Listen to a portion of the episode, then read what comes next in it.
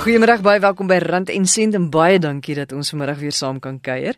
Jy kry vir ons net op RSG en Rand en Sent is die program waar ons oor ons geld sake praat en alles wat ons na in die sak of of die beursie lê. En mediese dekking is een hiervan en dit is seker een van die duurste uitgawes wat ons per maand het. En baie mense kanselleer juis hulle mediese fondse of versekerings as gevolg daarvan uh omdat hulle dit net eenvoudig nie meer kan bekostig nie. Die ander ding is dikwels het jy so 'n versekering of 'n mediese fonds, maar jy moet nog steeds inbetaal wanneer jy gaan vir ondersoeke want jou mediese fonds dek nie alles nie. Nou vanmiddag gaan ons kyk watter produkte jy eenvoudig moet hê waarsonder jy nie kan klaarkom nie, waarop jy nie moet bespaar nie en waarop jy miskien wel 'n bietjie kan spaar. Dan gaan ons ook weer in ons praatjies oor versekerings. Vanmiddag kom produkversekering aan die beurt. Ons gaan uitvind wie dit almal nodig het en hoekom.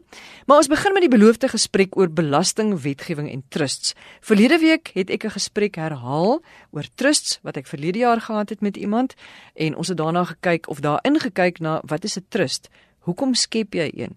Wat is die voordele? Wat is die nadele daarvan? In die gesprek het is daar genoem dat belastingwetgewing rondom trust vir hierdie jaar sou verander. Nou dit het intussen gebeur. Piet Nel is hier by my in die ateljee. Hy is 'n belastingkundige. En Piet, ja, baie mense het trust geskep om hulle bates te beskerm, maar ook om 'n bietjie te bespaar op boedelbelasting. Toe het die wetgewing nou verander vir hierdie jaar. En jy sê nou kry jy baie vrae hieroor. Uh mense wat nou 'n trust gehad het want hulle het gedink, "O, ons gaan 'n bietjie spaar op belasting." maar die belastingwetgewing wat verander het, het dit nou 'n bietjie beïnvloed. Kan jy asseblief net vir ons verduidelik wat die situasie is? Die grootste oorweging gewoonlik is kommersiële redes hoekom mense trust opsit, maar verseker is dit sodat daar ook belastingvoordele is met met die trust of of was.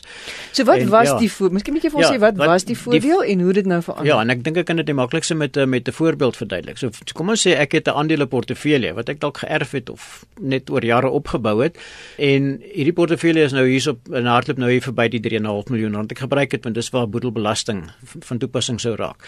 Dan as ek nou so sterf vandag of oor 'n paar jaar en my daai portefeulje groei nog met 'n miljoen rand, dan gaan ek boedelbelasting op daai stadium is 20% of of eintlik nou nog vir enige boedel onder 30 miljoen rand.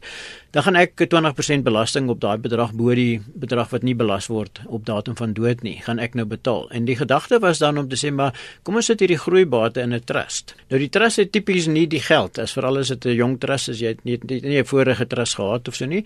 Hy het nie geld om te betaal vir dit nie. So ons het dit op leningsrekening oorgedra. En dan het ons het dit in in die in die in die beplanningsomgewing het ons daarvan gepraat jy vries jou boedel. Mm so jy ruil 'n groeibate vir 'n bate wat sy sigwaarde hou, die leningsrekening. So ek verkoop die aandele, kom ons sê vir vir vir wat die markwaarde is, sê dis 3.8 miljoen rand. Ek verkoop dit vir 3.8 miljoen rand. En nou groei dit as ek op datum van dood dood gaan en daai daai aandele is nou 5 miljoen rand werd die enigste bate in my boedel is daai lening. As ek hom nou nie terug as die trust nou dit nooit terugbetaal het nie. En dis waarop ek belasting betaal. So ek het my my boedelwaarde gevries. En die die gebruik en dis waar die nuwe wysigings nou vandaan kom. Die gebruik was dan dat die trust ook die rente daar betaal nie. Want die trust omdat dit omdat 'n ander portefeulje is en die kon rente aftrekking eis nie, is dividendinkomste en kapitaalgroei. Ja, maar dit is nou maar net in die voorbeeld en en en dan het ons nie rente rente daarop gehef nie. En die staat het al of kom ons sê van die ontvanger se kant af, belastinghaler se kant af en van tesourier se kant af al al jare hieroor probeer sê maar hulle dink ons ons vermy belasting, want tegnies wil jy eintlik die ding, jy weet da die lenings word nie regtig terugbetaal nie. So eintlik moes jy geskenk het. Jy moes gesê kom ek gee die bate vir die trust en dan sou ek my skenkingsbelasting betaal. Nou sê hulle deur hierdie transaksie aan te gaan dink ons jy jy, jy vermy boedelbelasting want jy jy maak jou, jou boedel kleiner of jy pen hom vas en jy betaal nie skenkingsbelasting nie. So hulle het vir jare probeer om om goed op die tafel te kry wat hulle sê maar hulle wil dit belas. En toe minister Gordon nou ehm um, 2 jaar gelede in, in 2016 eintlik al reeds begin sê maar hy gaan dit hy het in die parlement afgekondig in sy begrotingsrede en die wette daai het gevolg. Goed, so die wet het nou verander, maar hoe gaan dit hoe hoe raak dit ons dan nou of nou die persoon met die trust dan nou? Dit raak dan die persoon wat 'n lening aan die trust gemaak het en en en die wetgewing is so bietjie kompleks dit wil nie net enige persoon so enige derde band ek kan dalk 'n bank hê wat 'n lening aan my gemaak het. So dit dit vereis dat ek iemand wat 'n verbonde persoon met betrekking tot die trust is moet wees. So byvoorbeeld die beginsigtes is my familie binne die derde graad van bloedverwantskap is soos wat die belastingwet sê. Dan is ek 'n verbonde persoon. So ek is die oupa of ek is die pa wat 'n lening aan die trust maak en die trust koop nou hierdie aandele of hierdie bate by my.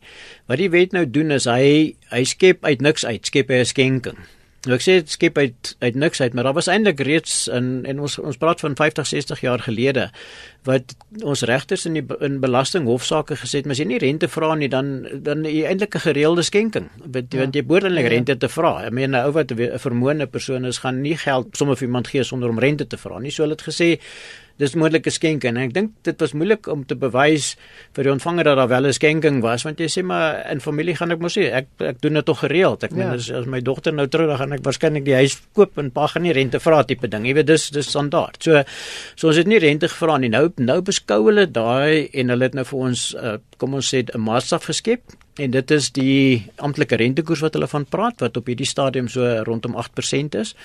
En as jy enigstens minder is, soos dit 'n renteverlose lening is, dan verander nou nie die rente nie. Dan word daai belasting voor nee, belasting voor en word daai rentevoordeel of daai voordeel wat die trust het om nie rente te betaal nie, word geag 'n skenking te wees wat ek as die persoon wat die lening aan die trust gemaak het, aan die trust gemaak het en dit word dan belas teen 20%. Nou as ek nie ander skenkings in die in dit word op 'n jaarlikse basis se doen soos ek nie ander skenkings het nie, dan sal hulle die eerste 100 000 daarvan vir my van die skenkingsbelasting vrystel, maar die balans is onderhewig aan aan die skenkingsbelasting. Jy weet, dit klink vir my na iets wat die luisteraars as hulle in hierdie bootjie is met hulle maar eerder na ouens soos jou toe gaan om hierdie saak vir hulle te hanteer want dit dit is 'n dit klink vir my na nogal 'n komplekse situasie. Dit is dit is kompleks. Dit is ek was verras um, omdat ons nadat die wetgewing nou geteken is wat in Januarie 2017 was het ons begin redelik konsultasies daaroor doen. Hmm. Was ek verras oor die omvang daarvan. Ons het aanvanklik gedink dit is nie so nie en en nou met die eerste skenkingsbelasting opgawes was in Maart maand 2018 ingedien. En ek was verras oor die probleme wat daarmee was want dit is nie elektroniese opgawe jy moet hom per hand indien en jy moet dit op jy moet dit eintlik per hand betaal. Ja. So dit was skrikwekkend baie mense wat daardeur geraak word. En baie mense wat gedink het hulle word nie daardeur geraak nie, is wel daardeur geraak en dit is baie kompleks want jy kan ook 'n lening aan 'n maatskappy maak wat wat dit, dit ook gevang ja. word. En en so dit is dit is regtig nodig om om om nie net sommer daai gewone en ek wil nie die ouens beledig nie, maar jy ek dink jy moet na iemand gaan wat 'n bietjie die trust mm. die trust uh, belasting verstaan om hierdie goederes te kry. Die gewone praktisyn gaan jou nie daar daarmee kan help nie. So spesialis kennis beslis nodig. Net gou-gou die mense wat wat gedink het dit geld nie vir hulle nie mm. of hulle is nie onderhewig hier aan nie en toe is hulle uiteindelik. Hoekom? Wat was hulle situasie wat bepaal het dat hulle wel onderhewig hier aan is? Wel, ek dink in 'n mate is dit eerstens toe te skryf aan aan mense wat net nie net nie gehoor het dat 'n wysiging in die wet gekom nie. Jy weet jy is 'n persoon wat wat net maar net daai daai standaard transaksie, jy het miskien jou primêre woning en hy word byvoorbeeld uitgesluit maar net tot 'n mate. So jy het dalk nie die kennis gehad of jy nie jy het gedink daarvan gehoor en nie of nie daarvan gehoor nie en gedink dit raak jou nie. Maar dan het ander mense dit die wetgewing omdat dit baie baie komplekse wetgewing is en dis altyd so as ons teenvermydingswetgewing het. Dit is dis nie eenvoudige dis nie standaard Engels wat ons jy weet wat wat jy met jou matriek Engels so dis nie belasting standaard graad dis nie standaard graad nie nee dis hoër graad werk ja. En en baie mense en ek kry dit nou nog dat, dat baie mense sê maar hulle hulle seker ek het ek het vroeër die week 'n konsultasie daarvan nou op daar in Polokwane gehad Wat sê maar hierdie ding dit dit, dit is mos nie van toepassing nie en en weet dit is so ja. ooglopend dat dit is. Nou nou net gegaan om mense te help wat nou luister en miskien wonder, is ek hmm. in hierdie situasie, wat moet ek doen? Wat, wat sal jy sê? Wat is die stap wat ek môreoggend maandagooggend moet doen net om ja. seker te maak ek is veilig? Ek ek dink my my eerste my eerste vraag is is jy 'n verbonde persoon, maar dit is vir vir vir Jan Alleman gaan dit nou te moeilik wees. Jou eerste eerste ding is het ek 'n lening aan 'n trust gemaak en kry ek rente op daai lening. As ek in die scenario is waar ek wel 'n lening aan 'n trust gemaak het en is die begunstigdes in die trust my familielede, dan is dit op my van toepassing. En dan hang dit af van die kwantum van die lening. Jy weet as die lening minder as 'n miljoen rand is en jy het nie ander skenkings gemaak nie, gaan die skenking wat ontstaan nou minder as 100 000 wees. Jy gaan nie belasting betaal nie. Maar maar dit is dis die eerste ding. So as jy wel 'n lening gemaak het, vra vir die ander trustees of praat met 'n spesialis. Jy het gesê dis die eerste ding, is daar nog 'n tweede ding? Die tweede ding is jy sal moet bepaal of dit of dit of byvoorbeeld as die lening 'n primêre die, die in die die wet praat van die aankoopprys van 'n primêre woning uh, in die trust gefinansier het. Want ek is 'n uh, weet ek meen ek was op op stadium as ek ook 'n ouditeur gewees. Jy verstaan die enronde en daai goeders. Jy het dalk finansiële state afgeteken en ek meen ons het groot maatskappye gehad wat nou ander goed gehad het. 'n eis teen teen my in in my professionele hoedanigheid wis al my bates uit. So ek sit my primêre woning laat ek daarom nog vir die kinders en ja. jy weet daarom nog die familie erns 'n dak oor die kop het en ek my ander probleme op 'n ander manier uitsorteer in 'n trust sit. En dan het ek nou 'n leningsrekening teenoor die trust wat renteloos sou wees. Die wet maak voorsiening daarvoor. Hy sê ek ek wil dit nie as 'n skenking beskou nie. So uh, jy weet jy moet ook gaan kyk wat het die die lening gefinansier. En dan soos ek sê die kwantum van die lening en baie mense jy weet kan die kontrak herbeding. Mense maar kom ons vra rente en dan se buite die ding. So dis alles alles uh, alternatiewe wat wat 'n mens het om te oorweeg op daai stadium. Piet baie dankie vir jou tyd. Dit is Piet Nel. Hy is 'n belastingkenner, hy is ook 'n dosent en uh, hy was ook 'n geoktroeëerde rekenmeester. As jy enige vrae het, stuur asseblief vir my e-pos Susan@rsg.co.za. S U Z A A N by rsg.co.za. Nou, wanneer 'n mens nou strop begin trek, dan soek ons mos nou maniere om ons uitgawes te verminder. En een daarvan is om byvoorbeeld te sny aan ons mediese versekerings of ons mediese fondse. Maar daar is sekere produkte wat ons eenvoudig moet hê. Martin Neetling is die hoof van Sanlam Gesondheidsorgkonsultante, asook die hoof van Sanlam se gapingsdekking. En Martin, hoe gaan ons nou weet watter produkte ons moet hê en waarop ons maar 'n bietjie kan spaar? Ek reken die belangrikste ding is seker om te gaan kyk na jou persoonlike behoeftes in terme van wat jou risiko's is voor jy bepaal watse produkte jy moet hê. En wanneer jy nou daai risiko's gaan bepaal, gaan jy natuurlik kyk om mediese dekking uit te neem, die beste dekking wat jy kan uitneem vir dit wat jy kan bekostig. Die eerste lyn van dekking wat 'n mens natuurlik soek is om te sê hoe hou ek myself gesond? Hoe hou ek myself in 'n posisie om te kan werk? Uh hoe kom ek by 'n dokter uit? Hoe maak ek seker ek kry antibiotika of ek kry toegang daartoe? Die volgende ding is om te kyk is wat gebeur met my as ek in 'n hospitaal beland? Wat gaan dit my kos? En uh, wat kan ek bekostig om self te betaal en wat het ek nodig om voorgedek te word? So Ek reken dit gaan van persoon tot persoon afhang wat jy kan bekostig en hoe jou gesondheid of jou gesin se se toestand lyk. So met ander woorde as jy iemand is wat kinders het, dan gaan jy uiteraard 'n miskien 'n meer omvattende plan kry behalwe 'n hospitaalplan om na jou kinders ook om te sien. As jy byvoorbeeld 'n jong persoon is van uh, 25 jaar oud en jy's nog gesond, gaan jy miskien net 'n hospitaaldekking kry. Ja, ek dink mense verwar baie keer hospitaaldekking want hospitaaldekking is nie net hospitaaldekking, die voorgeskrewe minimum voordele beteken ook dat al het jy slegs 'n hospitaalplan, het jy ook kroniese medikasie wat gedek word, jy's gedek vir die minimum voordele wat 'n klompie ander goed insluit. Ek dink wanneer dit by kinders kom, is dit 'n ander saak. Kinders is geneig om meer siek te word, maar baie mense verkies om te sê ek sal my dag tot dag voordele uit my eie sak uit voorsien en net omdat die premies dalk 'n bietjie hoog is dan sê hulle so ek sal net die hospitaal of die groter voordele dek maar die beginsel bly maar altyd dit gaan afhang van of daar kinders is wat gediagnoseer is met een of ander probleem of daar iets is wat mens weet wat kan verkeerd loop in die familie wat jy van weet wat jy kan dek en dan die volgende gedeelte gaan altyd oor die bekostigbaarheid. So mense moet eintlik so 'n lys maak om te gaan kyk wat is die dinge wat ek wil hê en dan van onder af wat kan ek bekostig en kyk waar daai twee lyne mekaar kruis en so veel as moontlik dekking uitneem om jouself te beskerm. As jy 'n hospitaalplan het, is dit 'n goeie idee om ook daai gapingsdekking uit te neem of dink jy dit is nou nie regtig nodig nie? Nee, gapingsdekking is eintlik spesifiek vir vir vir hospitaaldekking en vir binnehospitaaldekking gebou om te sê dat die kostes van hospitalisasie en as jy binne 'n hospitaal is baie duur, skemas betaal hulle mediese fonds voordele en baie keer binne in die hospitaal se dekking soos die narkotiseers en die ortopede of wie ook al die die spesialiste aan die binnekant vra eh, in heelwat gevalle 'n bietjie meer as wat die mediese fondse betaal. So dis juist vir daai binnehospitaaldekking waar die groot verskille kan kom en ek dink die grootste gedeelte van die gapingsdekking eise wat inkom is juist vir hospitaalvoordele. So dit maak definitief sin om dit saam met 'n hospitaalplan uit te neem. So daarmee moet jy weer eens gaan kyk, gaan jy 'n hospitaalplan uitneem met gapingsdekking of gaan dit vir jou goedkoper uitwerk om miskien 'n meer omvattende mediese dekking uit te neem, sommer uit die staanspoor uit? Ja, ek dink 'n mens moet net seker maak jy verstaan dat gapingsdekking vervang nie eintlik mediese dekking op ander opsies nie. Gapingsdekking is ontwerp en hy werk ook op die reëls van die mediese skema. So wanneer die mediese skema iets betaal, maar hulle betaal minder as wat die voorsiener of die verskaffer vra, dan betaal die mediese daai die gapingsdekking daai verskil. Maar as daar nie voordele op 'n polis is nie, selfs op 'n meer omvattende plan. As daar sekere voordele nie is, kom ons sê kosmetiese behandeling of so iets in die mediese skema betaal nie, dan gaan die gapingsdekking ook nie betaal nie.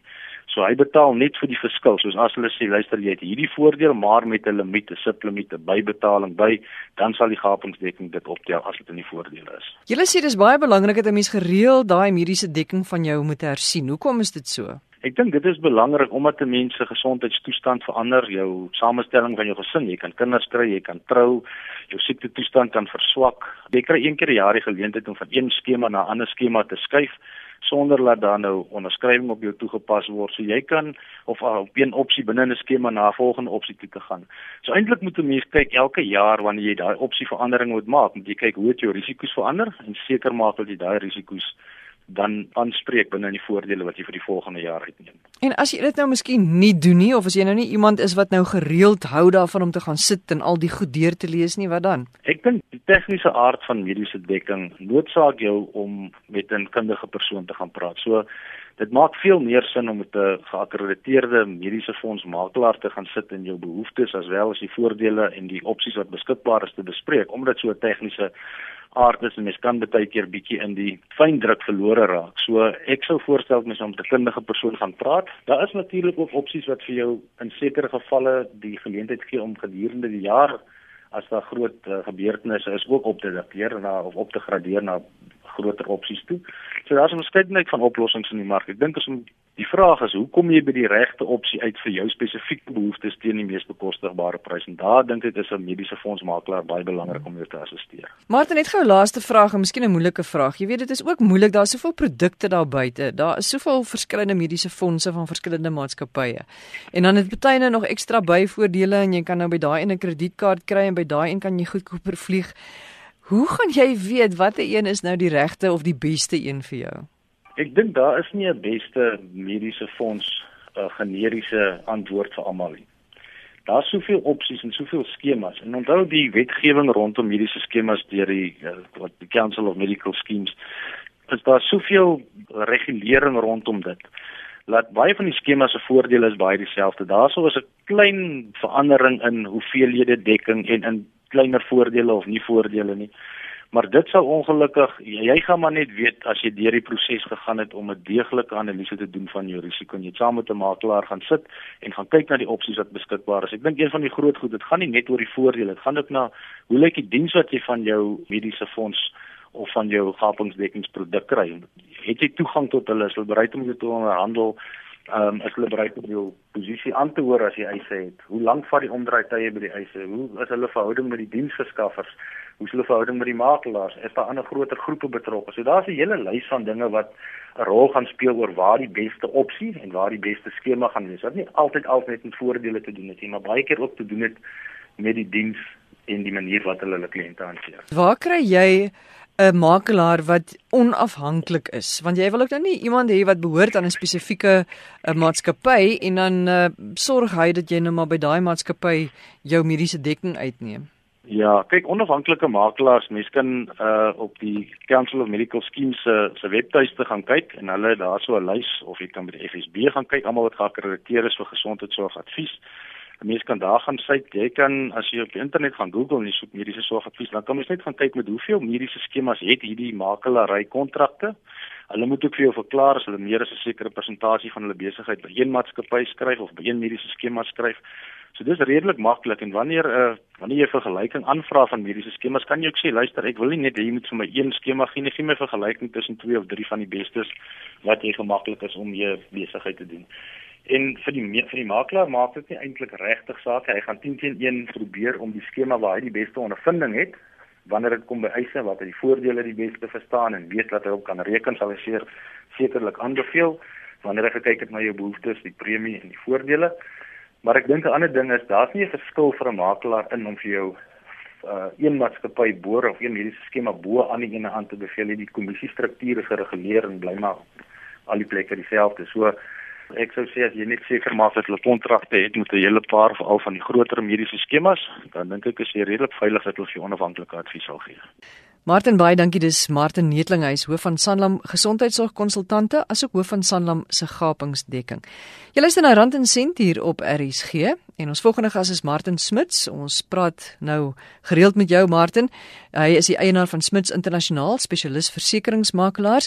Maar Martin, ek dink hierdie is nou die uh, die tweede laaste praatjie wat ek en jy gaan hê oor versekerings en ons praat vanmiddag oor produkversekering. Nou mense kan jou afleidings maak, maar presies wat is produkversekering? Produkteversekering is aanspreeklikheidsversekering wat aangekoop word deur versekerdes wat produkte aan die publiek beskikbaar maak wat beskerming verskaf teen eise wat die produkte aan verbruikers mag veroorsaak. Maar wat presies behels dit dan nou? So 'n produk kan uit drie komponente bestaan. Die produk eerstens, indien verpakking betrokke is wat daarop geskryf is, En dan laastens as daar 'n verbruikershandleiding is, dit word alles omsluit as 'n produk. In 'n produk kan enige iets wees wat vervaardig word, wat gegroei word, wat voorberei word om aan 'n uh, verbruiker verskaf te word. So dit kan wees die persoon wat 'n plaas het, die ja, mis, miskien moet ek eerder vir jou vra wie moet dit almal hê? Ja. Wel, Susan, my advies is dat daar 'n paar verpligte sektore is wat hierdie versekerings moet neem. Klein en groot handelaars, landbouers vir die landbouprodukte wat hulle lewer, restaurante en spysenierers, uitvoerders en invoerders, verspreiders, vervaardigers en dan lê ek weer klem op die voedsel en drankprodusente sektor. Eerstens ek sê dit is voor die hand liggend dat restaurante, spysenierers, voedsel en drankprodusente 'n produkpolis in plek moet hê.